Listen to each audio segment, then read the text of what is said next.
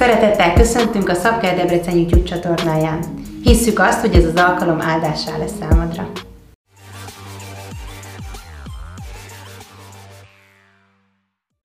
Halleluja, dicsőség az Úrnak. Sziasztok! Jó vagytok?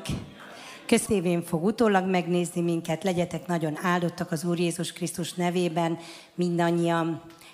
Nagyon örülök ennek a mai napnak, mert már régen állhattam itt, de azért, mert Isten mindig csodákat tesz, és nekem ez a mai nap egy csoda, mert sok-sok minden akadályon keresztül jutottam el erre a mai napra.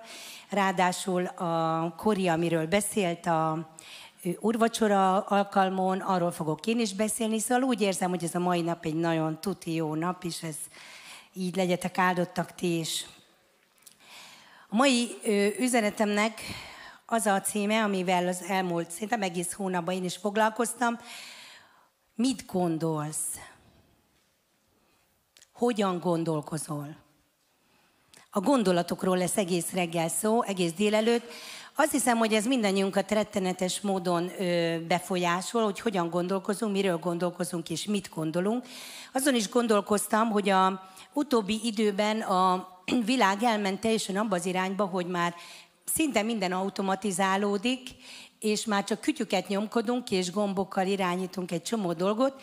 Magyarul az emberek a magukat fontosnak tartó emberek főleg, semmi más nem csinálnak, mint gondolkodnak, és közlik az ő nagyszerű gondolataikat, amivel az egész világot be tudják kavarni aztán nagyszerűen, és már most ugye itt közelednek választások akár, és a Facebookon is mindenhol megvannak osztva a nagyszerűbbnél nagyszerűbb gondolatok, és hát egy olyan kavarodás van szerintem a, a fejünkben, az életünkben, állandóan próbálnak mindenféle gondolatok befolyásolni minket, és szerintem engem legalábbis ez tart meg, hogy Isten tanít és segít abban, hogy mit és hogyan gondolkodjak.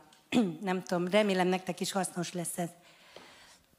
Szóval, az életünk az mindenféle kihívásokkal teli van, sajnos, és ez nem is változik, nem is fog változni.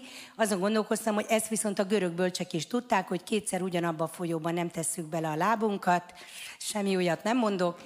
És az Úr Jézus is beszél erről, hogy mikor azt mondja, hogy ne aggodalmaskodjunk, hogy elég minden napnak a maga baja, és majd a holnapnak is meg lesz a maga baja, sajnos idáig ez még nem jó hír, és majd az a holnap, majd a holnapi dolgokkal foglalkozom. Magyarul ezt nem tudjuk megúszni, és egyetlen egy megoldásunk van, az, hogyha képesek vagyunk, amiről a Kori is beszélt, amit a római levél mondta, hogy megújítsuk a gondolkodásunkat napról napra.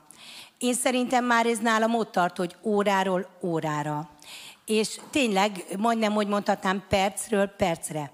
Mondok egy jó példát, beülök az autómba, elindulok, az első útfeltúrásnál szépen megyek tovább, mikor a második jön, meg a harmadik, akkor már elkezdenek a gondolataim össze-vissza cikázni, hogy ki volt az az ember, kinek eszébe jutott egész Debrecent egyszerre feltúrni.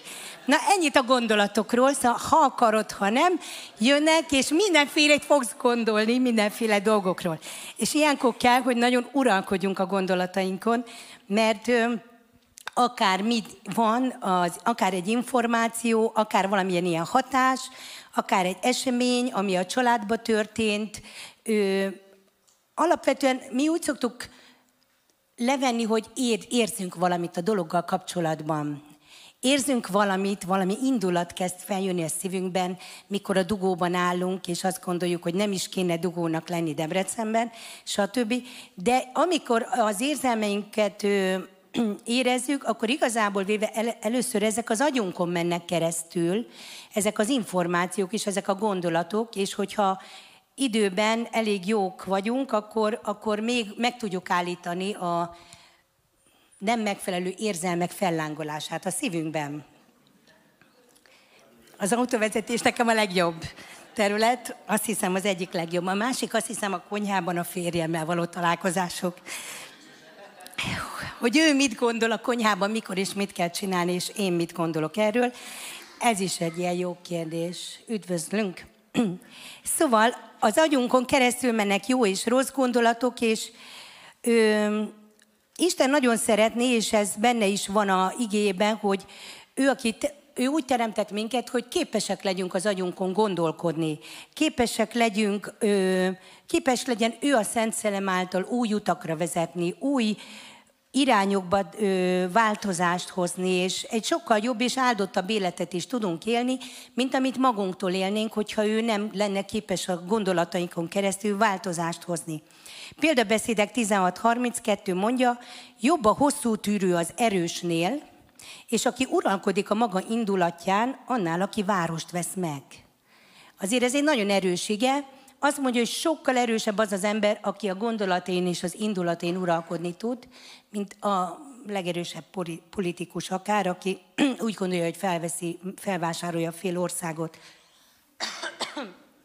Példabeszédek 29.11, az ő egész indulatját előmutatja a bolond, de a bölcs végre megcsendisíti azt.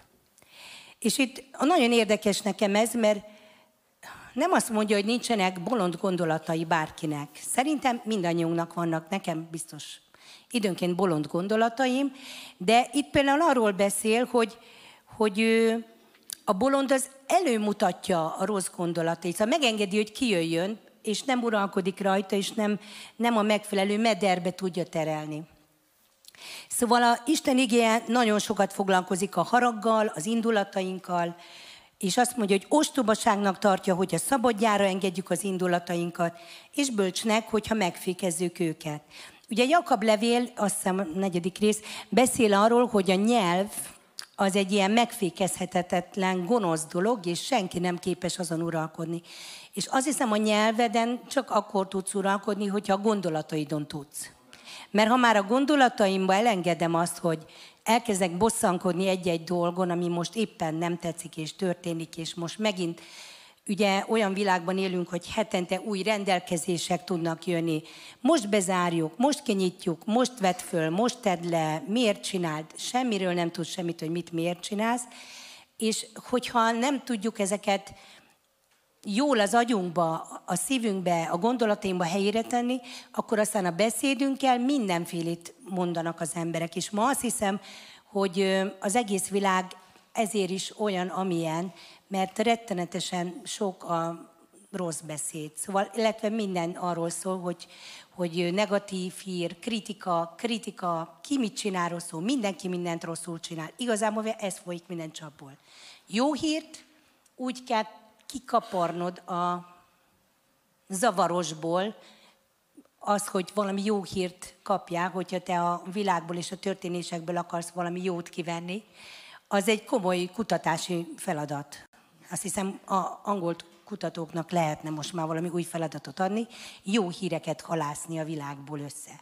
Mert csak a rossz híreket halászák össze nekünk, és ez borzasztóvá teszi az ember életét. Pál levere rómaiakhoz 12.1.2. Isten irgalmára hivatkozva kérlek benneteket, testvéreim, hogy adjátok oda magatokat Istennek. Ez olyan, mintha élő áldozatot vinnétek Istennek, amely kedves a számára, és egyedül csak az övé. Ez az, amivel méltóan, igazán és szellemi módon tisztelitek Istent. Ne alkalmazkodjatok a jelenlegi korszak életformájához. Ellenkezőleg újítsátok meg az egész gondolkodásotokat, és így gyökeresen változatok meg, akkor lesztek képesek megérteni, elfogadni, amit Isten akar, ami jó, ami neki tetszik, ami tökéletes. Ezekre igyekezzetek. És ö, egy-két gondolat ezzel kapcsolatosan. Először is szeretnék egy nagyon fontos üzenetet elmondani nektek, hogy az életetek élő áldozat, élő áldozat. Most olvasom a Mózes harmadik könyvét, még sose sikerült a férjemnek se prédikálni róla. Szóval nem tudom, nem akarom kifejteni, hogy mikor a tulok, mikor a kecske, mikor a bak, mikor a galambfi, de ezek mind élő áldozatok voltak, amiket oda kellett vinni Isten elé, és tényleg Isten azt mondta mindegyikről, hogy ez jó, kedves, szeretem, jó illatú áldozat. És én nagyon most megdöbbentem, hogy végül is itt erről az áldozatról beszél Pál, hogy a mi életünk, hogyha mi a gondolkodásunkat megváltoztatjuk, akkor ez egy ilyen kedves áldozat Istennek, amit bemutatunk. És azért ez így már egy kicsit más ö, fénybe vetíti nekem a dolgokat, mármint a bakokat is, meg a, meg a saját gondolataimat is. Szóval Istennek fontos az, hogy mi meg tudjuk újítani a gondolkodásunkat. Neki ez tetszik. Neki tetszik, hogyha nem engedünk a haragnak, hogyha nem engedünk az indulatnak, ha nem engedünk a kritikának, kritizálás szellemének, még akkor se engedünk, ha saját magunkat kéne, szeretnénk kritizálni. Mert az se biztos, hogy az Úrtól van. Szóval Istennek tetszik az, hogyha a gondolatainkkal úgy tudunk foglalkozni, mint, mint egy élő áldozattal, amely egyedül, ami kedves Isten számára, és egyedül csak az övé. Amúgy írja ezt az ige, hogy, hogy mi ugye papok vagyunk, és Isten szent népe. És ilyen megszentelésre való nép vagyunk. És, és hogy ez, ez Istennek a legszentebb dolga, aki te vagy. Ezért nagyon fontos, hogy miről is hogyan gondolkozol. Mert Istennek ez egy nagyon fontos dolog, hogy ez a megszentelt nép milyen áldozatot mutat be. És ha odadod az életedet Istennek, és múlt héten volt evangelizáció, és gondoltam, hát ha mégis találunk egy-egy embert, aki múlt héten jött először közöttünk, és odaadtad az életedet Istennek, azt hiszem ez is a gondolataidba dőlt el, a szívedbe dőlt el, és ez már egy áldozat Istennek, és azt hiszem, hogy ez a leges, legelső pont, amit meg kell tennünk, és már ez is kell egy változást hozni, mert én mielőtt elfogadtam Jézus Krisztust, azelőtt nem gondolkodtam Istenről, nem úgy gondolkodtam róla legalábbis, mint amikor megértettem, hogy, hogy köze van hozzám. Addig gondoltam, hogy lehet, hogy van ott fönn valaki, valamit csinál, valamit gondol, de hogy az emberhez én hozzám közel lenne, nem gondoltam. Magyarul már a megtérés egy nagy változás a gondolkodásmódunkba, és nagyon kedves Istennek, és ez is egy áldozat, és ehhez is meg kellett újítani. Aztán tovább olvasnék egy-két igeverset csak a rómaiakhoz írt levélben, esetleg gondolkozatok, hogy melyik milyen áldozati ószövetségi formának felelhet meg. Még azokat is áldjátok meg, akik rosszat mondanak rólatok, vagy rosszat tesznek veletek. Ne kívánjatok nekik semmi rosszat, hanem áldjátok őket. Milyen áldozat ez Istennek, hogyha ezt meg tudod tenni? Hányan tudjuk megtenni magunktól ezt? Ezt szerintem senki. Én legalábbis állandóan, mikor ezt elolvasom, akkor hát ja, ja tényleg. Ja, már ezt olvastam máskor is. Ja, még, ja, ja, emlékezni kéne rá, hogy nem kívánunk nekik rosszat, nem, nem, nem. Áldjuk őket, szeretjük őket. Szerintem ez egy nagyon jó illatú áldozat lehet. Lehet, hogy az illatáldozathoz tenném oda a templomba be.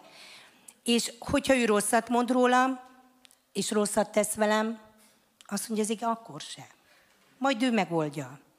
Aztán azt mondja, hogy éljetek egyetértésben és összhangban egymással. Persze, a, míg egy magam vagyok a szobában, olyan egyetértés van, amíg, amíg ketten vagytok, akik szeretitek egymást, nagy az egyetértés, igaz? Amikor bejön egy-két kamasz gyerek a képbe, akkor már néha kisebb az egyetértés, és hogyha nagyobb, minél nagyobb közösségbe megyünk, akár egy egész nagy családba, szóval annál nehezebb egyetértésben és összhangban lenni. Itt beszélt Kori az összhangról is, hogy, hogy Jézus Krisztus által tudunk meg a gond, összhangban lenni, mint a takjellel. De tényleg azt gondolom, hogy Istennek van egy ilyen terve, főképp az ő népével. Azt mondja, hogy ha hogy úgy szeressétek egymást, ahogy, ahogy én szerettelek titeket, és ebből a szeretetből fogja a világ megismerni azt, hogy én ki vagyok, és hogy ő az Úr. Ebből a összhangból. De én szerintem ez nem jön magától. Nekem legalábbis dolgozni kell rajta. Néha azon is, hogy a férjemmel összhangban legyek.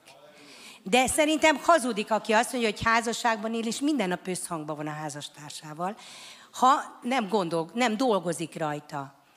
Úgyhogy ez is egy jó áldozat, oda tehetjük, nem tudom, a kenyerek asztalára mondjuk. Ne legyetek büszkék, hanem az egyszerű emberekkel vállaljatok közösséget. Hát szerintem a büszkeség, a büszkeség egy olyan dolog, amire sokan még büszkék is. Nem tudok mit hozzáfűzni. Mi büszke magyarok vagyunk, ezt hányszor halljátok? Nagyon sokszor. És a büszkékkel Isten mit csinál? Megalázza őket. És az alázatosokat meg felemeli. Ez is, hogy folyamatosan kontrolláljuk, hogy Ja, igen, a világ azt gondolja, hogy jó dolog büszkének lenni, de én mégse gondolhatom azt, hogy jó dolog büszkének lenni, mert nekem azt, azt tanította Isten, hogy ő alázatos. Jézus azt mondja, hogy tanuljátok meg tőlem, hogy én alázatos vagyok. És nekünk tőle kell tanulnunk.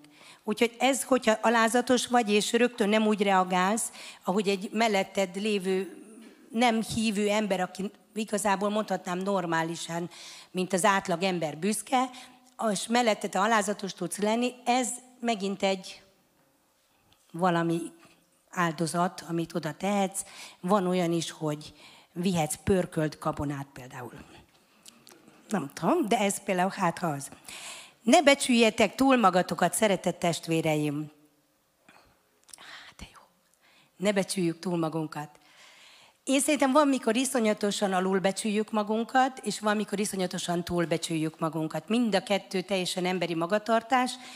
Néha szerintem nagyon szükségünk van erre a tanítására Jézusnak, hogy ne becsüljük túl magunkat, és azt is mondja itt tovább, hogy szeretetes vireim, ne álljatok bosszút magatokért, inkább bízátok ezt Isten haragjára, mert megvan írva a bosszúállás az én dolgom, én majd megfizetek, ezt mondja az Úr. Szóval ő foglalkozik a problémámmal, úgyhogy nekem csak a gondolkodásommal kell foglalkozni. Nekem nem szabad semmit helyre tenni, felpofozni, kirúgni, berúgni.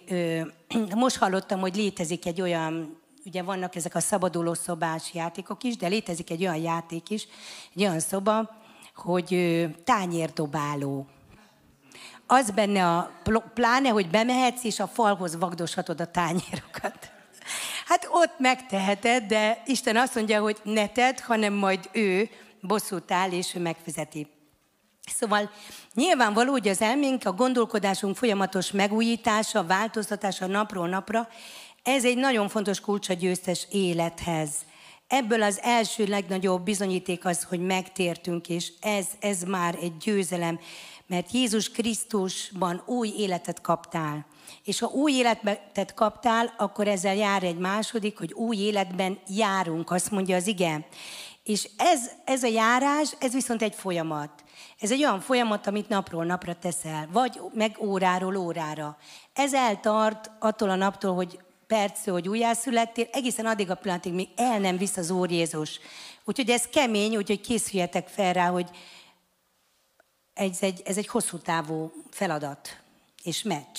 De majd elmondom ki a győztes. Na, mert azt mindenki szereti a meccsekben. Nem a meccset, az is jó, de a legjobb a végeredmény. Így van? Én nem tudom, hogy a foci meccs mi lenne, hogyha nem is lenne olyan nagyon a meccsel, szóval rövidebb lenne, és már megtudhatnánk mondjuk 45 perc után maximum a végeredményt. Szerintem mindenki nagyon elégedett lenne vele. Focisták is nem fáradnának annyit. Na, milyen életünk van, megváltott életünk 2021-ben. Én szerintem a ma kihívásaihoz, a ma válaszaira van szükségünk. Az sokan, még én is gondolkoztam így régebben, hogy az elején, mikor megismertem az Urat, még éreztem az aktualitás sokszor, de valahogy egy idő múlva annyira modernizálódott a világ, meg modernizálódik, hogy az ember már tényleg itt van a Bibliánk, és akkor ez már ugye Károli Gáspár is lefordította legalább 500 éve, úgyhogy vajon lehet-e aktuális ez ma, 2021-ben? De igazából véve lehet, sőt, nagyon-nagyon aktuális, hogy az előző, előző igék is, csak az kell hozzá, hogy mi képesek legyünk ő, megengedni azt, hogy Isten mindezt a mai világunkba behozza, és a mai helyzeteinkre alkalmazza. Úgyhogy, ö, bocsánatot kérek. Igen, beteg is voltam a hét elején, úgyhogy ezért se tudtam, hogy itt leszek-e ma, de itt vagyok. Szóval a Isten beszéde, Zsidó 4.12, azt mondja, élő és ható. 2021-ben is. Élesebb minden két élő fegyvernél, elhat a szívnek, a léleknek, az ízeknek, a velüknek megoszlásáig, és megítéli a gondolatokat és a szívnek az indulatait. 21-ben is, élő és ható, higgyétek el, támaszkodjatok rá, olvassátok, mindig sok igét hoztam, de elég gyorsan fogok átmenni rajtuk, azért, mert Péter nézte is, hogy normális vagyok-e, de majd most megváltoztatja a gondolkodását, és elfogadja, hogy normális vagyok. És és higgyétek el, hogy élő és ható, és annyira fontos, hogy, hogy minél többet felszívjunk belőle is, mint a szivacs, és teli legyünk vele, hogy megvált, meg tudja változtatni a gondolatainkat. És szerintem nyilvánvaló tény, hogy az emberek nem szeretnek változtatni amúgy a gondolkodásukon. Én még nem találkoztam olyan emberrel, aki ezt örömmel ö, fogadta volna, amikor rájött, hogy változtatnia kéne a gondolkodásán. Sőt, nehezünkre esik. Sőt, a hívők sem szeretnek a gondolkodásmódjukon változtatni. Tudjátok, mit mondok? Csak kicsit. Kicsit szeretnek. Ami nagyon rossz, azt kiigazítjuk. De a többi, azért na. Azért ne vicceljetek már. Azért mindenek van határa, szoktuk mondani. Szóval egy kicsit hozzáigazítja, legtöbb hívőről beszélek, persze ti mások vagytok, de a legtöbb hívő azt gondolom, hogy a nagy részét kiigazítja, ami nagyon ordítóan gáz, azt megváltoztatja egy kicsit, de, de igazából nem örül neki, és nagyon nehéz ennek mindig engedni, ennek a inspirációnak a Szent Szellemtől. és ráadásul ahhoz, hogy változtassunk, nagyon nagyon nagy szükségünk van alázatra. És ez sem olyan kényelmes dolog, mert igazából igen, leél az ember 10-20-30, már akár 40 éves hívő is lehetsz, vagy 50, és akkor azt gondolod, hogy te már mindent tudsz, és én is azt gondoltam, hogy mert mennyi mindent tudok, és akkor, és akkor Isten szól, hogy aha, de ezt rosszul tudtad, és most Léci, változtass rajta, vagy Léci, menj oda az XY-hoz, és rendezd el vele, vagy Léci, őre azt gondolta, hogy jogosan haragszol, de én azt mondom, hogy nem. És meg kell bocsátanod neki. És másképp kell bánnod vele. És, és szeretned kell, és jót kell tenned. Pedig az ellenséged, és egész életedben rosszat tett neked. Szóval Isten akarna ilyen dolgokat csinálni, és nekünk ez egy kicsit nehezünkre esik. Vagy legalábbis nekem. Akkor bocsássatok meg nekem, ti meg mondjátok, hogy jó van vele, ügyes vagy. És én azt látom különben, hogy hát ez van, hogy ez nekünk nehezünkre esik, de nem baj, mert, mert tudunk tanulni, tudunk növekedni, és Isten velünk van, és, és majd bátorítalak titeket, hogy elkezdte bennetek a jó munkát, de be is fejezi. Azt ígérte. Úgyhogy csak annyit kell neki majd mondani, hogy gyere, Jézus, és csináld. Van egy nagyon jó negatív példám, hogy mi, milyen, milyen a negatív példa. Most olvastam el nem régen Izrael népének a történetét, még a, ugye a három Mózesnél tartok, most mondtam nektek, és most olvastam el az Egyiptomból való kivonulást, és ahogy, ahogy Isten azt a rengeteg csodát megteszi, ahogy a szemük láttára ő vég, véghez viszi az ítéleteket, ahogy a vizet véri változtatja mindenütt, Gondoljatok bele, vér. Hát az ember egy csöpp vértől is tud undorodni, nem? Kézzétek el, hogy folyó, meg kutak. Azt mondják, a pohárba levő víz is vérré változott. De a Gósen földjén, ahol az izraeliták éltek, ott nem. Ilyeneket tett Isten, meg olyanokat, hogy látták, a szemük láttára, hogy jöttek a bogarak, elárasztották a, mindegy, hogy most a sáskákról, vagy melyik dögvészről beszélek, vagy a nyavajákról, elhullott Egyiptom összes állata gyakorlatilag, a szemük láttára. Egyiptom elhullott, illetve tönkrement, mert lezabálták a sáskák Egyiptom összes termését. A szemük láttára. Tudjátok, milyen az, amikor jöttök, mentek a szántóföldek mellett, és ott vannak a termő gyümölcsfák, tudjátok, hogy most tavasz van, most rügyeznek, most jönnek a zöld levelek, most vannak rajta. És amikor teli kéne lennie mondjuk levelekkel és gyümölcsökkel, akkor azt látjátok, hogy csupaszra rágva. És ez így tömegével, mert hogy mindenhol. Alig maradt rajta valami a szírjezige. Elég látványos. Szerintem iszonyú látványos volt. Iszonyú megrázó is, és iszonyú látványos is. És ezek után kihozta őket, a rabszolgákat, Isten a pusztánba, míg szerintem észhez se tértek, akkor át kellett menniük a Vörös-tengeren, már ez is ö, ugye problématikus volt, de Isten ketté választotta, és azt mondja, hogy falként állt mellettük két oldalt a víz. Szerintem Isten annyira próbálta nagyon látványosá tenni azt, hogy ő az Úr. Amúgy olvastam, illetve olvastam, most tűnt fel először nekem, hogy, hogy az Isten beszéde először úgy, hogy ő Úr, azt Mózesnek mondta el. Addig Isten volt. És Mózesnek azt mondta, hogy én vagyok az Úr, az Isten. És máshogy csinált Egyiptomban, mint azt mondta, hogy én vagyok az Úr. És ezért van ezért minden más úr az nem úr, mert ő az úr, és ezt minden módon a maga az Izrael népének próbáltak bebizonyítani, és megmutatni, és hát ott állt mellettük ugye a vízfal, én még nem láttam nem folyó vízfalat, csak folyó vízfalat, akárhogy próbálják a fürdőkbe ezeket a vízfalakat csinálni, csak folyik rajta a víz, nem? Nem tudom, hogy azon a falon mennyire folyt, de azért iszonyú látványos lehetett, szóval az... Na, Szerintem érződött az a hidegség is, ami ott, e, ahogy elmentek mellette. Mindez megtörtént, és ennek ellenére semmit se változott a gondolkodásmódjuk. Semmit. Örökké panaszkodtak.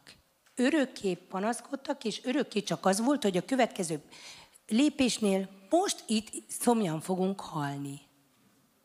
Most itt éhen fogunk halni. Mintha mi se történt volna előtte, az elmúlt egy évben ezer csoda, nagyobbnál nagyobbak, ennek ellenére ők semmit se tudtak változtatni. Szerintem ez egy jó negatív szemléltetése a negatív gondolkodásnak. És ez, ez különben Jézus is mondja, hogy igazából az emberek gondolkodását nem a csodák változtatják meg, valószínű. Mert hiába látták ezt a sok csodát, semmi nem változott, és ö, olvastam egy, vagy, vagy nem tudom, megfogalmaztam magamnak, hogy a negatív gondolkodásnak az a jellemzője, hogy a problémára koncentrál. Szóval, hogyha negatív gondolkodású valaki, akkor történhet vele ezer jó dolog, ő azt az egy rosszat fogja látni, és arra az egy rosszra fog koncentrálni. Na ez volt az Izrael népe ott akkor. Értitek? Teljesen figyelmen kívül tudták hagyni a nagy csodákat, csak azt az egy problémát, hogy most éhes vagyok, és amíg mondjuk szoktak emberek is így lenni, amíg most nem eszem, addig bármi, addig baj van. Szóval, meg amíg meg nem oldódik hirtelen, gyorsan, az az egy probléma. És ez a negatív gondolkodásnak a jellemzője, és az az igazság, hogy a világra ez a jellemző. Ezért van az, hogy lehet, hogy történik ezer jó dolog a világban, mai nap, ezer nem jó dolog is történik, mondhatjuk, de a hírekben mit fogsz hallani? Az ezer nem jó dolgot. És egyet se fogsz a jó dolgokból mond, a szinte. Hát nézd, én teljesen el vagyok képedve, bocsánat, olimpián is túl vagyunk ö, nemrégibe, én direkt belájkolgatom az összes olimpiai, meg, meg egyéb utána paraolimpiai eseményeket, olyan fantasztikus eredményeket érünk el, hogy elképesztő. A paraolimpiásokat, én nem tudom, én sír, volt, amelyiken sírtam, amikor rámentem, elolvastam, elolvastam az interjút a kislányjal, aki lábak nélkül, hogy ment be először a vízbe, hogy először majdnem megfulladnak, de aztán mégsem, és aztán hogy, hogy lesznek ö, ilyen szuper, szuper erős embereké, szuper ügyeseké, és, és foglalkozik a világ ezekkel? Nem. Fantasztikus eredmények ezek, fantasztikus példaképek, hogy a világ erre nézne, hogy ilyen emberek is vannak. Nem ezekkel foglalkozik, és én azt mondom nektek, hogy a hírcsatornákkal épp ezért nagyon vigyázzatok. Vannak hírcsatornák, amik rosszak, és vannak, amik még rosszabbak, el kell mondjam. Most családból mások is laktak velünk együtt az elmúlt időszakban, és olyan híreket hallgattak, amiket mi sose a férjemmel, és levegőt is alig kapok, olyan híreket, ha olyan hírek jönnek. Egyszerűen régen csak a kékfényben voltak ilyen hírek, megfelelő időben a megfelelő helyen, és akkor a gyerekeket elküldték. Nem, mint egyfolytában kékfény menne. Szóval egyszerűen borzalmasan vigyázzatok, kérlek szépen az Úr Jézus Krisztus nevében, hogy, hogy milyen hír, hírcsatornát hallgatok, és és hogy mit engedtek be így, és nagyon vigyázzatok, hogy mi a reakciód, hogy befogadod ezeket, hogy tovább gondolod ezeket, hogy következtetéseket vonsz le ebből, mert azt hiszem ez a negatív gondolkodásnak a lényege, hogy befogadja az ember az információt, elkezd gondolkodni rajta, még a összeesküvés elméletekben is nagyon jó Magyarország, több rossz hírt hogy tudunk összekombinálni, és egy igazán nagyon rossz hírré összerakni. Ez is nagyon jó. De ezt nem kell csinálni, hanem, hanem egy távolságtartással. Próbáljátok meg, hogy, hogy egy távolságtartással, és ne gondoljátok tovább, mondjátok, oké, okay, ez van, ebben a világban élünk, de Isten majd fog ezekkel foglalkozni. Rögtön át is fordulok. Pozitív gondolkodás a lehetőségekre fókuszál, ez az egyik, a lehetőségekre, és nagyon fontos, hogy figyelembe veszi, hogy Isten élő is uralkodik. Pontosan azt, amit az izraeliták nem vettek figyelembe. Az, hogy oké, okay, rossz az a víz, de mit lehetne vele csinálni esetleg, hogy jó legyen?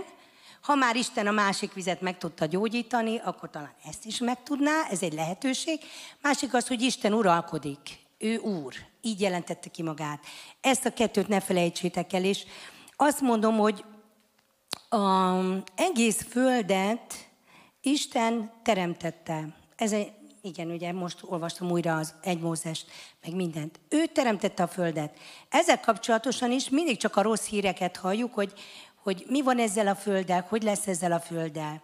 És elgondolkoztam rajta, hogy Isten azt mondta, hogy amíg ő nem mondta, hogy legyen ő, világosság, vagy egyáltalán legyen ezen a bolygón élet, addig a Föld milyen volt? Kietlen és puszta. Magyarul, ha Isten nincs, akkor miért csodálkozunk, hogy kietlen és puszta a Föld?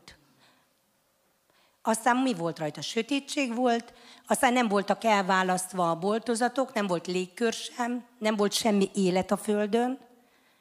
Semmi elolvassátok a teremtés hat napját, akkor rájöttök, hogy amíg Isten nem kezdte el csinálni a dolgokat, addig úgysem volt semmi. Magyarul, ha valami lesz, akkor az azért lesz, mert Isten csinál dolgokat. És ő megígérte, hogy fog csinálni dolgokat, sőt, új jeget és új földet is fog teremteni. Úgyhogy a, a lehetőséget, azt, hogy Isten beavatkozik, azt, hogy Isten képes változást hozni, az, hogy, az, hogy ő ura, ura helyzetnek, hogy ő fölötte van, ezt mindig tegyétek be kérlek a képletbe, ami, amit nektek adnak és elétek adnak. És az új szövetségnek rengeteg igéje biztat bennünket azért arra, erre a gondolkodásmód változtatására, és most gyorsan a Kolossi 3.1.2-t olvasom, annak okáért, ha feltámadtatok a Krisztussal, megtértetek, az odafelvalókat keressétek, ahol a Krisztus van, az Istennek jobbján ülvén. Az odafelvalókkal törődjetek, nem a földiekkel. És még gyorsan utána olvasom a Máté 6.33-at. Az Úr Jézus mondja, hogy ne aggodalmaskodjunk az életünk felől, ez még egy följebb, és utána mondja a 6.33-ban, hanem keresétek először Istennek országát, és az ő igazságát, és ezek mind megadatnak nektek. Ne aggodalmaskodjatok tehát a holnap felől, mert a holnap majd aggodalmaskodik a maga dolgai felől. Elég minden napnak a maga baja. Többször találkoztam ezzel a Máté 633-mal, amikor megtérési alapigény nekünk a férjemmel, és a életfilozófiánk a egész életünkre nézve, hogy káosz, zűrzavar, mindig, mindig újra és újra. És akkor Istennek mégis van válasza. Oda felvalókkal a törődők, ha keresem először Isten országát és az ő királyságát, az egy biztos pont. És onnan kiindulva meg fognak oldani a Földön az itt lévő dolgok. Értitek? Van egy biztos pontotok, amit megkap, megfoghattok. Keressétek, imádkoztok, segítségül hívjátok az Úr Jézus nevét, elkezdtek Bibliát olvasni, összejöttök egy tesóval, imádkozzunk érte, Számtalan dolog megoldódik, sokszor egyszerűen, viszonylag gyorsan, kérjük, már meg is oldódott, vannak dolgok, amik viszont kőkemények, és nem akarnak megoldódni, de ettől még meg tudnak oldódni a mennyből, az Úr Jézustól. És ezt mi nem szabad, hogy elfelejtsük, pedig a, olyan a fejünk, mint az elefánti. Azt mondja az Úr Jézus, nem mondja, hogy nincs mi felől aggódni. Nem mondja az Úr Jézus, hogy nem aggasztó a helyzet. Nem mondja, hogy nem rossz az orvosi lelet, esetleg amit kaptál. Nem mondja, hogy anyagilag nem lehetetlen a helyzet, amiben vagy. Csak azt mondja, hogy képes vagy a gondolkodásodat kiszélesíteni, kitágítani, belevenni a képletbe az Istennek a nagy hatalmát, őt keresni, és ő pedig képes kiszabadítani téged a lehetetlen helyzetekből, mint Izraelt az Egyiptomból és a fáraó kezéből. Amen. Lehet, és biztos, hogy az élet sokszor katasztrofális képleteket ad. És ezt nem mondja Jézus, hogy ez nincs így. De azt mondja, hogy keressük őt, és az odafelvalókat, és akkor ő napról napra elküldi az ő szabadítását. Amen? Olyan jó hír ez nekem. Azt mondja, képes vagy ellenállni az ördögnek, amikor a félelmetes hírek jönnek, és azt mondani, nem fogom magamat elkezdeni sajnálni, hanem arra az Istenre nézek, aki legyőzte a sátánt, és ma is nekünk is győzelmet fog adni fölötte. Amen. Nem, és most tessék, kiadjuk egy jó pár igeverset, amit itt elmondhatnék. De ö, jobb könyvét is olvastam az utóbbi időben, és jobb könyve másról sem szól, mint hogy Jobb kapja a rossz híreket. Rossz hír, arra még rosszabb hír, még rosszabb hír, és rossz, rossz, rossz, rossz, addig, amíg mindent el nem veszít. És az egész könyv, olvassátok el, arról szól, hogy Jobb hogy reagál erre. Megváltoztatja-e a gondolkodását Istenről, azt mondja neki a felesége, átkozz meg Istent és haj meg. Ezt mondja Jobb felesége. Ez egy jó gondolat, ugye? De hál' Istennek Jobb nem így gondolkodott. Jobb pedig azt mondta, elvettem a jót, most el, lehet, hogy el kell vennem a rosszat is, de azért reménykedik, és folyamatosan appellál Istennél, hogy hol van az ő igazsága. De erről szól a jobb könyve, hogy mit gondol Jobb akkor, mikor baj van.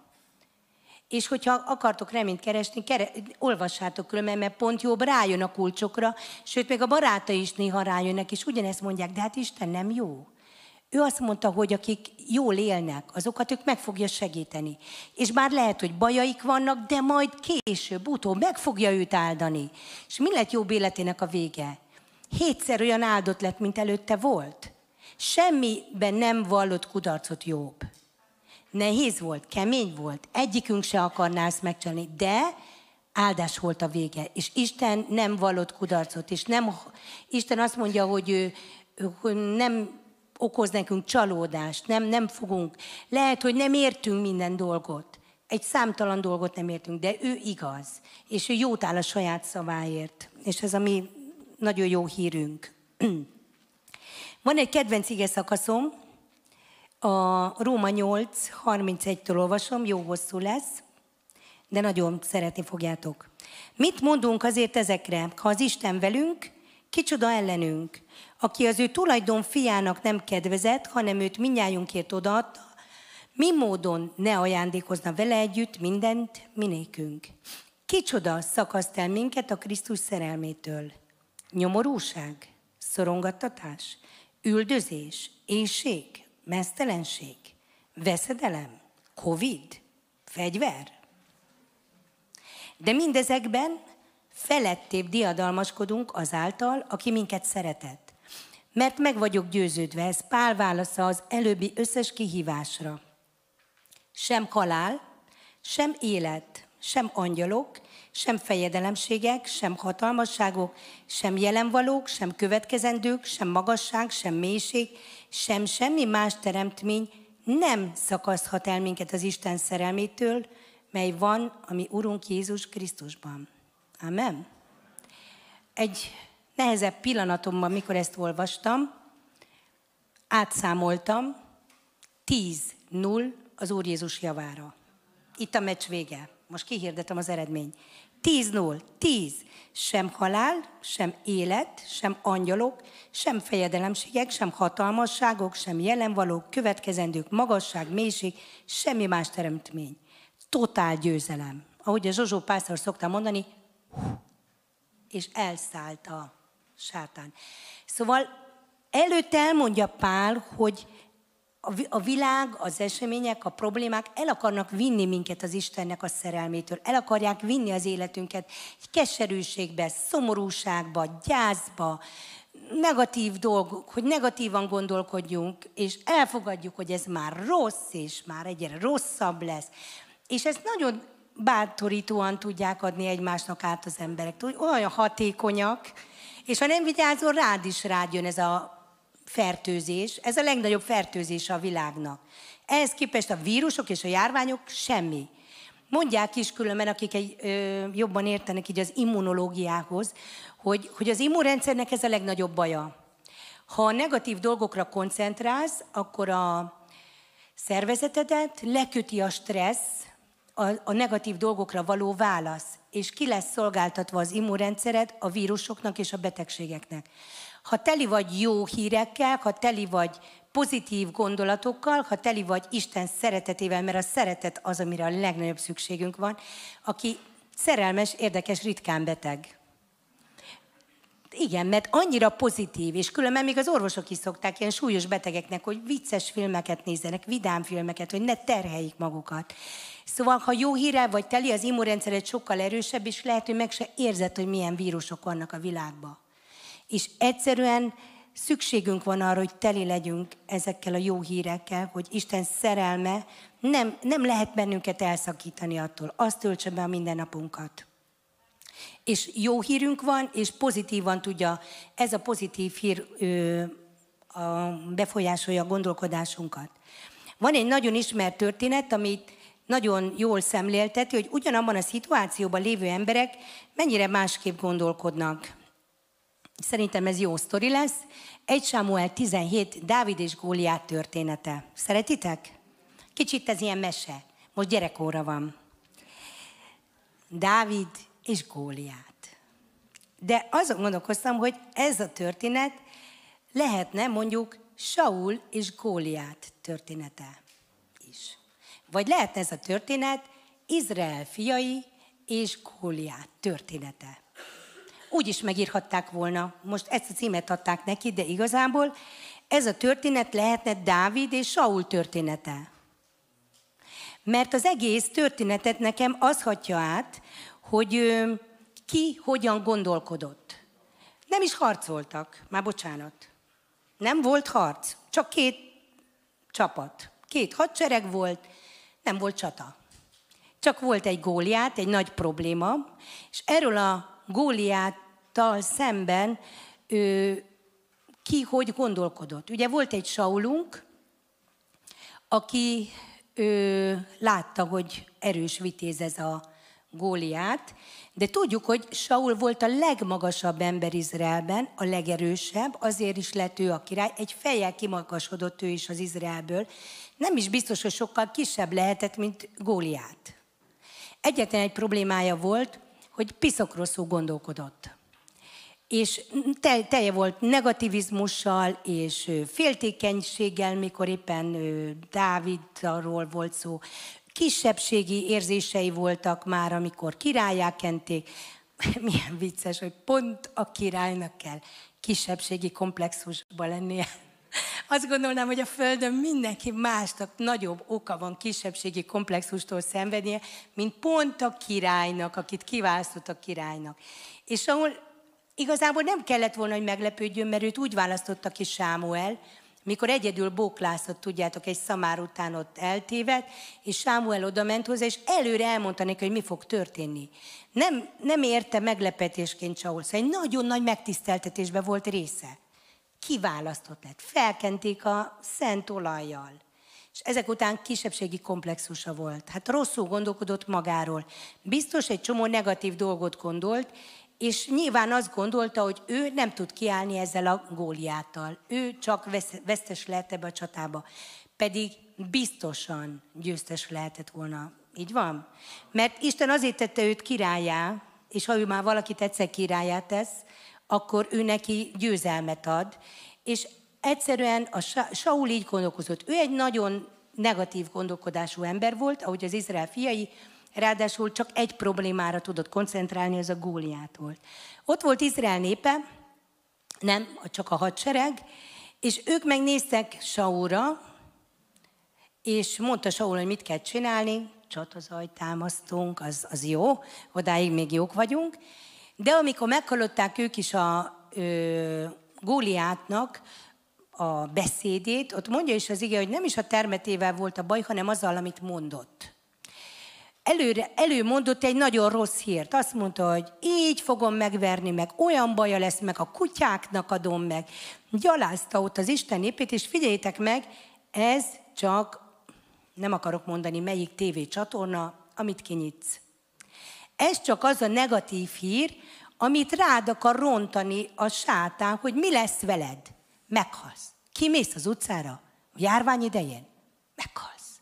Ezt mondják, nem? Szóval, hogy, hogy ők meg ezt hallották, és el is hitték. Nem, ők se gondoltak semmi más, hogy lehet, hogy van egy másik lehetőség is. Hogy lehetne hátba támadni az ellenséget? Lehet, hogy ők azt akarják, hogy ez egy fermecs legyen, és ö, itt szemtől szembe két ember álljon ki. De mi lenne, ha mi másképp csinálnak? Végül is ezt ők találták ki. Hányszor van, hogy nem ilyen nyilvánvaló módon harcolnak hadseregek, később is van. Az, hogy hátba támadjanak egy hadsereget, eléggé tipikus dolog, nem? Eszükbe se jutott. Meg se próbáltak. Egyetlen egy próbák, emberi próbálkozások se volt, hogy talán másképp le lehetne győzni ezt a filiszteus sereget, hanem csak ez a rossz hír, a negatív gondolkodás, és ugye látták ők is a Saul félelmét, hát a Saul fél, mi is félünk, kb. ez volt. Ezen kívül még ő, megérkezett ugye Dávid, mondhatni ő, a, ki a legkevesebbet szerepelt a szövegrészekben. Dávid ő, miben volt más? Másképp gondolkodott. Dávidnak volt egy gondolkodásmódja, ami, ami már segítette őt az életének egy korábbi szakaszaiban.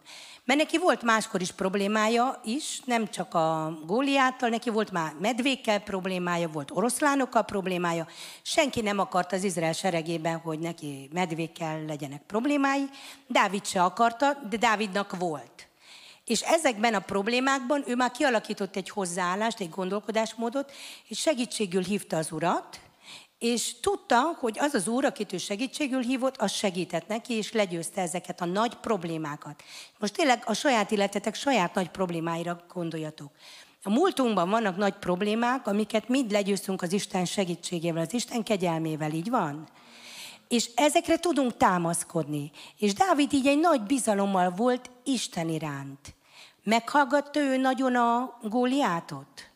Nagyon szűrve. Ő csak az érdekelte abból a szövegből, hogy ez az ember, ez gyalázza azt az Istent, akit én szeretek. Na most tudjátok, szokták mondani, a férjem is szoktam mondani, hogy a család a szent. Szóval, hogyha az Isten a családodban van, ő a te atyád, az apukád, és valaki azt szidja, akkor lehet, hogy te is pipa leszel természetes módon. És ez az ő gondolkodásából adódott, hogy ki ez? Mit gondol ez? Azt gondolja, hogy ez nagyobb, annál az Istennél, akit én ismerek. És ez egy olyan reakció volt, aminek mondhatni semmi köze nem volt ahhoz, amit hallott, hanem csak az Isten ismeretéből, az korábbi tapasztalataiból jött. Ezt hallotta, meg még valamit hallott Dávid, ő meghallgatta jó híreket. És a szituban voltak jó hírek. Saul király, mint a népmesébe, odaígérte a lányát. Fiatal emberről beszélünk, egy királylány.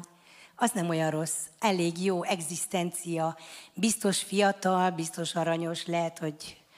Szóval Dávid, ez nem rossz, ez nem rossz. Még valami nem rossz, ő azt mondta Saul, hogy annak a embernek, aki legyőzi a góliátot, az egész családjának elengedik az adófizetését ami elég kemény lehetett. Na most képzeld el, hogyha azt mondják neked, hogy az egész családodnak, én nekem kb. 37 fős családom van, nem kell mostantól fogva adót fizetnie. Milyen jó hír az? Mit kell azért tennem? Szóljatok. Értitek? Hogy ő a lehetőségeket, ez a pozitív gondolkodás. Még, még jutalmat is kapok. Először is úgy is utálom, hogy rosszat beszél, szóval ezt be kéne fejeznie. Másodszor is még jutalmat is kapok. Na akkor hol az a Saul? Csináljunk már valamit, értitek? És ez csak a gondolkodásmód, és senki nem harcolt még eddig. És nyilvánvalóan Dávid úgy ment oda, hogy ez, ez így nem maradhat, nyilván ezt meg kell oldani, ezt a problémát, ez is egy probléma, hátam mögött van, megsegített az Úr, szerintem itt is meg fog segíteni, mert ez Istennek biztos nem tetszik el, mit ez a bürke csinál. Mit csináljunk? Úgy harcolt, ahogy a többi harcos harcol. Nem harcolt úgy, mert föl se tudta venni a Saul páncéját, mert, mint mondtam, Saul is kétszer akkora volt, mint egy átlag ember. Csak nem mert harcolni, mert gyáva ember volt, és negatív gondolkodású. De Dávid kicsi volt, volt neki harci technikája saját. Tudjátok, ez, ez a kreativitás, ez a gondolkodás megváltoztatása. Istenek probléma, hogy nekem nincsen kardom. Neki nem, de nekünk hányszor probléma? Én szoktam mondani, hogy á, most uram, ez biztos, hogy bevállaljam. Nem érzem jó magam, kevés az erőm, kevés az időm, kevés a lehetőségem, ez is lefoglal, az is lefoglal. Most, most ez annyira nem. És akkor imádkozom, és akkor azt érzem, hogy is azt mondja, hogy erőt én adok, időt én adok, tehetséget én adok, akkor mi a baj? Ez a gondolkodás. Ez, ez, mi magunktól persze látjuk a korlátainkat. Dávid is felsorolhatta volna, hogy miért nem megy el pont ő a góliát harcolni. És, és ő nem, nem ezt sorogat, hanem az, hogy jó, hát Isten eddig úgy segített, hogy a paritjámat használtam, és elég volt. És akkor jó, akkor elég lesz most is. És még valami történt, ez is nagyon érdekes. Dávid találkozott két testvérével ott a táborban, akinek vitt kaját, pedig még kaját is vitt, és az általában a férfiaknál beszokott jönni. És nem azt mondták, hogy de jó, úgy hozták kaját, öcsi. Nagy sajt, kerek, egész sajt. Hányan szeretnétek egyszer egy egész kerek sajtot megvenni a boltba, és úgy, na, most annyit eszek, amennyit én akarok. Nekem van egy kislányom, nem, volt egy kislányom, aki most már egy nagyon nagy lány, most már anyuka, és kislánykorában ez volt az álma hogy egyszer neki lesz egy egész kerek sajtja. És annyit eszik belőle, amennyit ő szeretne. Mert én, nekem porcióznom kellett, mert a sajt drága volt mindig is. Úgyhogy, úgyhogy a sajt. Szóval volt sajt, volt ö, más kaja is, és, és Dávid igazából egy tök jó szolgálatot csinált nekik. Ennek ellenére nagyon csúnyán és lekicsinlő, lekezelő módon beszéltek a testvérei Dáviddal, Mit keresel itt? Már megint azért jöttél. Már megint itt fitoktatni akarod a nagy erődet. Na, hát ha volt önbizalmad, és elkezdenek így hozzád beszélni, akkor általában véve az embereknek, a, nekem legalábbis ez úgy rosszul szokott esni, és én is hajlamos lennék elgondolkozni, hogy basszus, lehet, hogy nekik van igazok. Basszus, lehet tényleg egy, egy taknyos kölök vagyok, és mit képzelek magamról, hogy itt akarok valamit. Nem? Ez is a gondolat, a legtöbben beengedik ezeket a gondokat, de Dávid nem engedte be. Dávidról azt mondja az ige, hogy nem is válaszolt a testvéreinek, azt mondta, hogy mit mondtam, én nem mondtam semmit, csak kérdezősködtem. És már ment Saulhoz. És ilyen, ilyen egy olyan gondolkodás, aki, aki tényleg a lényegre és a megoldásokra, ő csak a megoldásokra koncentrált. Minden mást figyelmen kívül hagyott, csak a megoldás. Hol a megoldás? abba az irányba ment, és Isten adott neki megoldást és győzelmet. Amen? Dicsőség az Úrnak. Úgyhogy ez nagyon fontos, hogy gyakorlatilag ki milyen híreket hallgat. Hogyan gondolkodik Istenről? Hogyan gondolkodik a testvéréről? Milyen indulatok vannak az embernek a szívében? Istennel kapcsolatosan, a problémákkal kapcsolatosan. És ö, Dávidot, ez, ez engem lenyűgöz, a saját szerepe is csak annyiban érdekelte az egész történetben, hogy ne bosszantsa tovább őket a filiszte, a, a góliát, ezen kívül volt egy királylány, ezen kívül az apjának ne kelljen adót fizetni. Szóval egyszerűen annyira tetszik ez a nagyon egyszerű gondolkodás, ami tényleg csak a jó dolgokra koncentrál.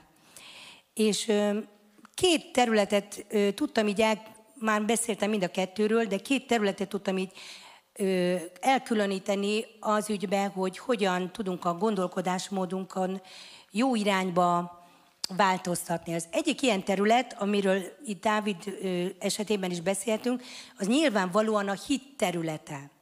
Szóval a hit általi gondolkodás az, hogy hiszünk Istenben, az, hogy hiszük, hogy tud nekünk segíteni, ahogy a zsidó 11 mondja, hogy akik Isten elő járulnak, azoknak hinniük kell, hogy létezik, és hogy megjutalmazza azokat, akik őt keresik. Ez egy nagyon fontos. És ha úgy akarunk gondolkozni, mint Dávid, akkor ezzel a területtel viszont folyamatosan foglalkoznunk kell. A hit nem terem a fákon. Bocsánat, a gyerekének szoktam mondani, hogy a pénz nem a fán terem. Hogy ők is tudják. A hit sem terem a fán. Nem, nem az, hogy mész az utcán jobbra-balra, és akkor csak így leveszed, és akkor lesz hited. Nem lesz hited. Nem lehet kapni a boltban. Egyetlen egy helyen lehet kapni, hithallásból van, Isten igéje által. Az Isten igéje, ami már mutogattam itt nektek, ez csak egy új szövetség, meg egy zsoltárok. Ez az egyetlen egy hely, hogyha ezt olvasod, és hallgatod, de olvasod újra, ez az egy hely, ahol hitet tudsz kapni. Nincs más forrás. Így, hogy mondjam, tolt ki ezzel a világgal a Teremtő Isten, hogy azt mondta, hogy a bölcsek elől elrejtem. És a legegyszerűbb embernek is elmondom. És ez az ige, ez mindenkinek elérhető. Bárhol lehet kapni, a neten ingyen olyan alkalmazások vannak, mindig mindenhol elérhető, okos telefonokon, mindenféle fordításban manapság. Olyan szinten mondhatnánk az egész világnak hirdettetik már az evangélium, hogy csak be kell nyomni, hogy Biblia, és már olvashatod, és a hit onnan jön. Nem fogsz kapni máshonnan hitet, sőt, a hit magától, hogyha nem foglalkozol vele, leépül. Egyre kevesebb lesz belőle. Sajnos elfogy gyakorlatilag. És semmi, mert, mert csak a, az ismeretből, az ige ismeretéből, csak az eddigi tapasztalatodból, az Isten kegyelmének a folyamatos megtapasztalásából táplálkozik, és vagy növekszik a szívünkből, vagy visszafejlődik folyamatosan. És ez, hogy visszafejlődik, ez viszont kihat a gondolkodásunkra.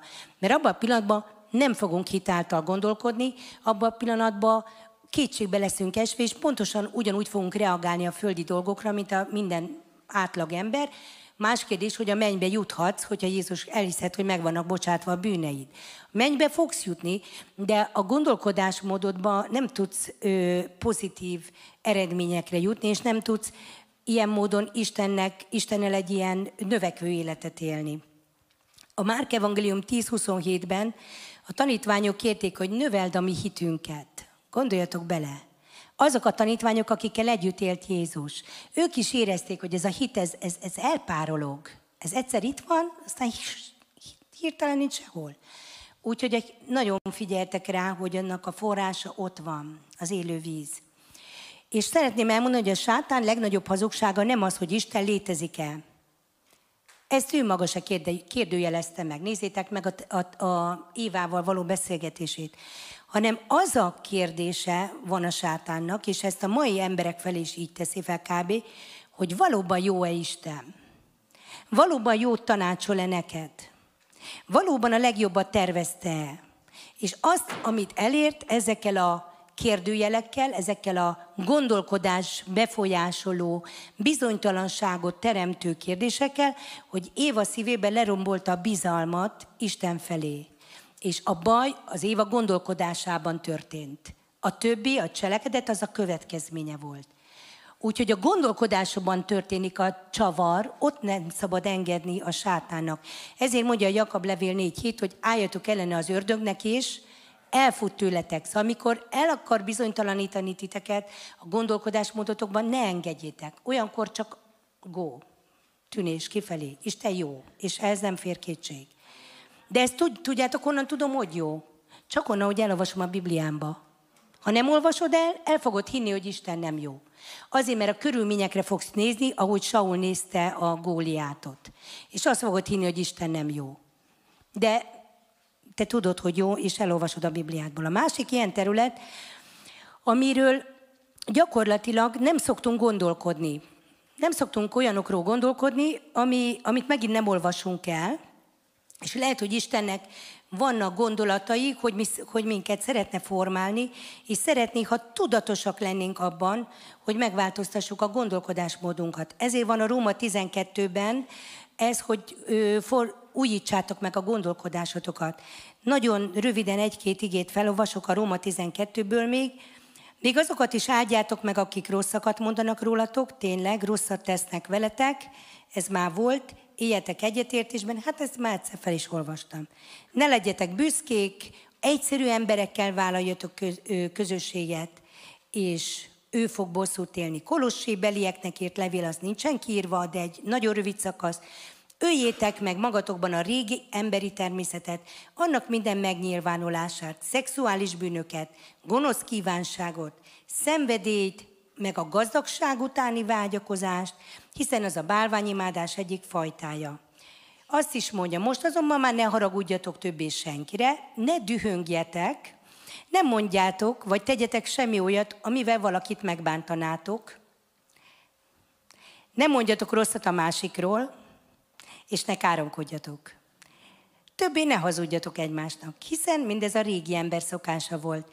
Ti azonban már levetkőztétek azt a régi természetet és annak szokásait.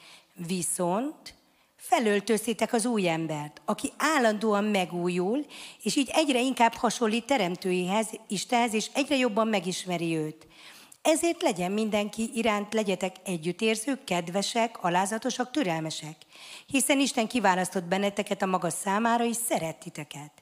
Viseljétek hát el egymást. Bocsássatok meg egymásnak. Ha valami panaszotok van a másikra, ahogyan az Úr is megbocsátott nektek, ti is bocsássatok meg egymásnak.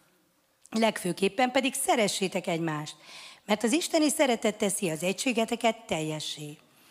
Isten arra hívott el benneteket, hogy Krisztusról szám, Krisztustól származó békesség uralkodjon a szívetekben, és mindig hálásak legyetek Istennek, hiszen mindnyájan Krisztus testének tagjai vagytok. Szóval ezek a területek, amiket most direkt így ilyen szakaszokat hagytam, hogy itt benne maradjanak az igényhirdetésbe, nem keressük ezeket magunktól, nem akarunk magunktól megváltozni.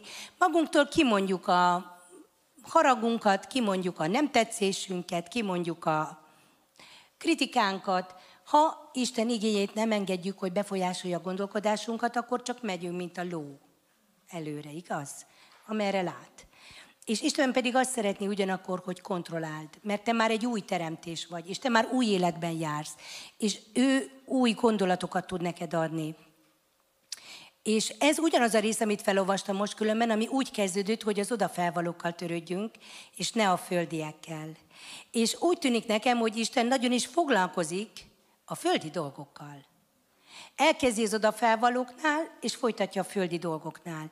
És azokkal a földi dolgokkal, amikben nekünk magunknak hagyni kell, hogy Isten megváltoztasson bennünket, és akarni kell, hogy Isten változtassa a gondolkodásunkat. Kolossi 3.10, és már végén vagyok, úgyhogy mindjárt örülhettek. Új ember, új ember vagyok, aki állandóan megújul, és így egyre inkább hasonlít teremtőihez, Istenhez, és így egyre jobban megismeri őt. Ugye csak lefordítottam a egyes szám első szemébe. Ezt mondja rólatok az ige, hogy új emberek vagytok, akik állandóan megújultok. És azáltal, hogy a gondolkodásmódotokban megújultok, így fogtok egyre jobban hasonlítani Istenhez, és egyre jobban meg fogjátok ismerni őt. És egy utolsó igevers Pál levele Filippi belieknek 2.13, meg 17, hiszen maga Isten az, aki bennetek munkálkodik. Segít benneteket, hogy azt akarjátok tenni, amit Istennek örömet szerez, segít, hogy úgy gondolkodjatok, mint ő, mondom én, és ő ad hozzá erőt, hogy valóban meg is tudjátok tenni ezeket. Hittetek által egész életetek olyan, mint Isten oltárán az áldozat. Amen. Azt gondolom, hogy Istennek csodálatos terve van, és van egy-két ilyen költői vagy nem költői kérdés, amiben össze foglalni mindazt, ami, amire azt hiszem mindannyiunknak szüksége van. Mi lenne, ha képesek lennénk mindig az örökké valóság síkján gondolkodni? Milyen hatással lenne a gondolkodásunkra? Milyen hatással lenne a mindennapi életünkre? Milyen hatással lenne a házasságunkra? Milyen hatással lenne a gyerekeink nevelésére? Ha mindig az örökkévalóság síkján tudnánk, az odafelvalókkal. Milyen hatása lenne a pénzügyel, pénzügyeinkre, a pénzzel való bánásmódunkra? És ahogy ezeken gondolkodtam, arra jutottam, hogy nagyon fontos és nagyon jelentős hatással bírnának. Még mindig van mit változtatni a gondolkodásmódunkon, és van miben engedni Istennek, hogy ő neki egy még jobb gondolata van az életünkre. Kérjük, engedjük, gyakoroljuk, hogy formálja és változtassa a gondolkodásunkat minden nap.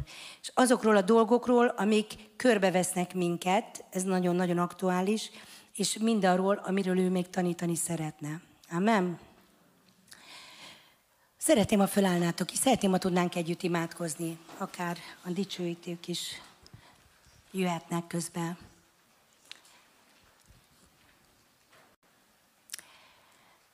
Úr Jézus, köszönöm neked ezt a mai napot. Köszönöm, hogy ez egy csodás nap. És köszönöm, hogy csodás, mert tele van azokkal a lehetőségekkel, amiket te adsz nekünk embereknek itt a Földön. Köszönöm, hogy te hatalmat adtál nekünk azon, a, arra, hogy a gondolatainkon uralkodjunk. Köszönöm, hogy olyan hatalmat adtál nekünk, amit talán fel se tudunk fogni, hogy milyen óriási. Ami az egész életünket befolyásolni tudja jó irányba de nem csak a mi életünket. Hatással tudunk lenni a családunkra, hatással tudunk lenni ezen keresztül a munkahelyeinkre, hatással tudunk lenni az egész országunkra. Nincs semmi, ami megakadályozhatná azt, hogy a te akaratod, a legjobb akaratod, ahogy a mennyben, az itt meglegyen a földön. És mi hiszük, hogy az a legjobb, amit te terveztél, amit te akarsz. Én köszönöm neked, a te népedet, köszönöm a gyülekezetet, köszönöm a Debreceni Szabad Keresztény gyülekezetet, köszönöm neked azt a rengeteg sok gyülekezetet, aki az országban van, akármilyen felekezetben. Köszönöm a hívőket, és köszönöm Magyarországot is, és azt, hogy te tudsz hatással lenni erre az országra, és ebbe bennünket akarsz használni. Azáltal, hogy, hogy mi helyesen gondolkodjunk, ahogy Dávid hatással volt. Nem csak a saját életére, nem csak egy Góliát életére volt hatással Dávid, hanem arra volt hatással, hogy utána Izrael le tudta győzni a filiszteusokat, hogy hatalmas győzelmet arattak, hogy utána Izrael egy szabad ország lett, és Dávid ilyen módon egy óriási nagy hatással tudott lenni, pedig csak másképp gondolkozott. Add, atyám, hogy olyan emberek lehessünk, akik tudnak másképp gondolkozni, akik észreveszik a lehetőséget, észreveszik mindazt a jót, ami történik ezen a földön, akik észreveszik azt, hogy te úr vagy, a legnehezebb, a legrosszabb helyzet közben is, és képesek vagyunk arra fókuszálni, hogy te úr vagy, és te fogsz cselekedni. Legyünk azok az emberek, akik képesek vagyunk a negatív dolgokra nem negatív válaszokat adni, hanem áldással reagálni. Legyünk képesek elengedni azokat, ö, megbántottak bennünket, vagy rosszat okoztak. Legyünk képesek fény, fények lenni valóban, és világítani ezen a földön.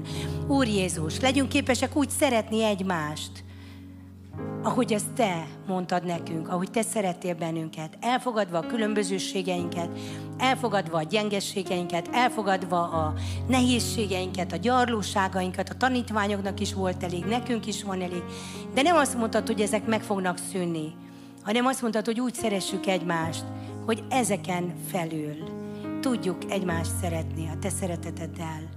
Úr Jézus, köszönöm a Te áldásodat ezen a mai napon, és legyetek áldottak, és élvezétek Isten szeretetét, fürödjetek meg benne is, élvezétek azt, hogy Isten formál és változtat benneteket, és azt a ami, ami rossz gondolat volt a szívetekbe, az mind a Jézus nevébe legyen megtaposva, és tudjátok, hogy tíz nóra nyert az Úr Jézus.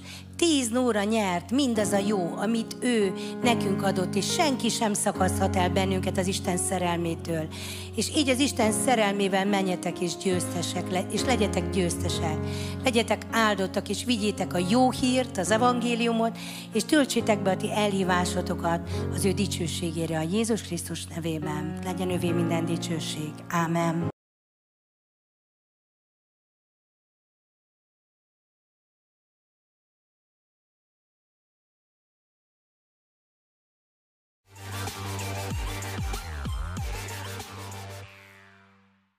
Köszönjük, hogy velünk tartottál ezen az alkalmon, és ha áldásá volt számodra az üzenet, akkor oszd meg a barátaiddal és ismerőseiddel.